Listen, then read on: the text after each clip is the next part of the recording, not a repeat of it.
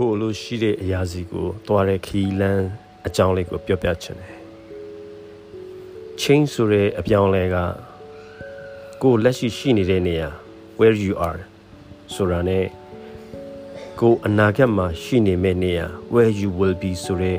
နေရာအကြားမှာရှိနေခရီးတစ်ခုပဲဖြစ်ပါတယ်ဒါကို NLP ကဒီပြစ္ဆုတ်ပံအခြေအနေ present state ဆိုတာ ਨੇ ကိုလိုချင်တဲ့အခြေအနေ desire state အကြားမှာရှိတဲ့ခရီးအဖြစ်ဖော်ပြထားပါတယ်ကိုဘဝမှာကိုလိုချင်တဲ့အရာမရရှိနေဘူးဆိုလို့ရှိရင်အဲ့လိုဖြစ်ရတာကကိစ္စတစ်ခုခုဒါမှမဟုတ်ပြဿနာတစ်ခုခုကကိုသွားနေတဲ့လမ်းကြောင်းကိုပိတ်ဆို့ထားတာကြောင့်ဖြစ်ပါတယ်အဲ့ဒါကကိုပြောင်းလဲခြင်းနေတဲ့အလေးထားတစ်ခုလည်းဖြစ်နိုင်ပါတယ်ကိုအသုံးပြုနေတဲ့ program ကို NLP က တွေ့ရှိပြီးတော့ကိုယ့်ရဲ့မသိစိတ်ကနေပြီးတော့ program အသစ်ပြန်လဲရေးဆွဲအသုံးပြုဖို့ reprogram လုပ်ဖို့အထောက်အကူပေးပါလိမ့်မယ်။ပြောင်းလဲဖို့စီခိုင်းတာကကိုယ့်ရဲ့သိစိတ်တွေကဖြစ်ပေမဲ့တကယ်တမ်းအလုပ်လုပ်သွားတာကမသိစိတ်တွေကနေပြီးတော့လှုပ်လှုပ်သွားတာဖြစ်တယ်။မသိစိတ်ကလှုပ်ဆောင်မှုအသစ်တွေကိုလှုပ်ပုံလုံးဤအသစ်တွေကိုသင်ယူမှုလေ့လာမှုပြုလုပ်ပြီးအပြုမှုအသစ်တွေကိုရရှိစေတာဖြစ်ပါတယ်။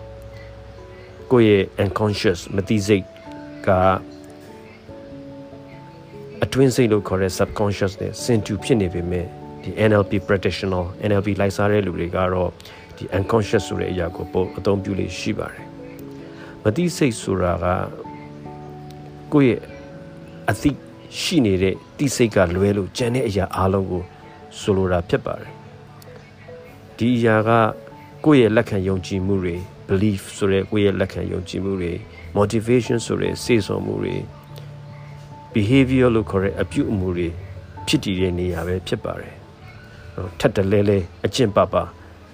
ပြုလုပ်လေးရှိတဲ့အရာတွေဖြစ်ပါတယ်။တိစိတ်ရဲ့စေခိုင်းမှုတွေကို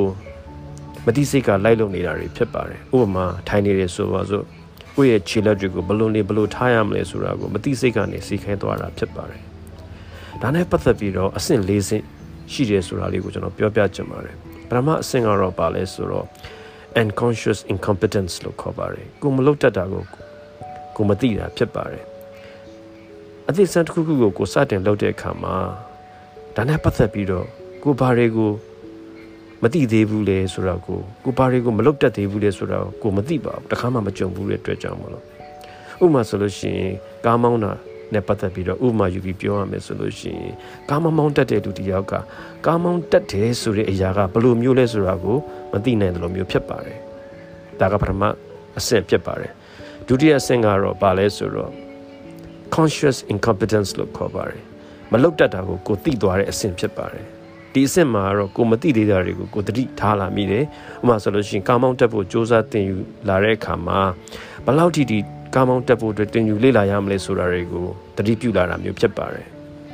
တတိယအဆင့်ကတော့ဘာလဲဆိုတော့ conscious competence လို့ခေါ်ပါတယ်ကိုလုတ်တက်တာတွေကိုကိုသိလာတာဖြစ်ပါတယ်ဒီအဆင့်မှာတော့အတော်လေးလုတ်တက်ကင်တက်ကျွမ်းကျင်လာနေပြီဖြစ်ပါတယ်ဒါပေမဲ့လုတ်ကင်ဆောင်ရွက်တဲ့အခါမှာဘာပြီးရင်ဘာလုပ်ရမလဲဆိုတာကိုအလိုလျောက်မလုတ်တတ်သေးဘူး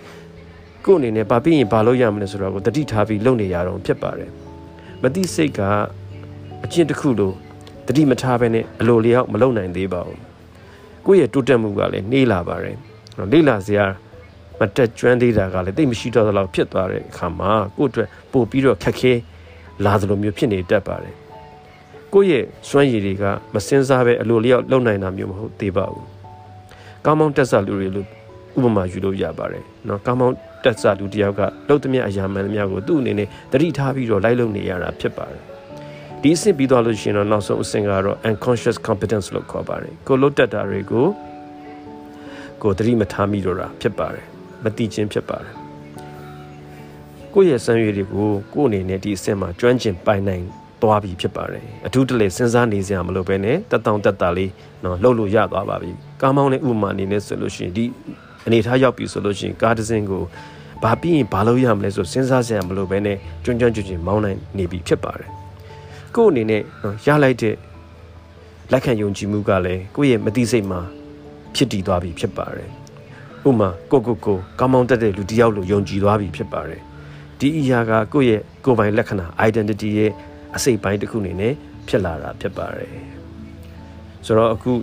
ကျွန်တော်ပြောတဲ့အရာကတော့ကိုရဲ့ desired အာကိုလိုချင်တဲ့နော်ဆန္ဒရှိတဲ့အရာစီကို journey တစ်ခုအနေနဲ့သွားတဲ့အကြောင်းလေးကိုပြောပြတာဖြစ်ပါတယ် ကျေးဇူးတင်ပါတယ်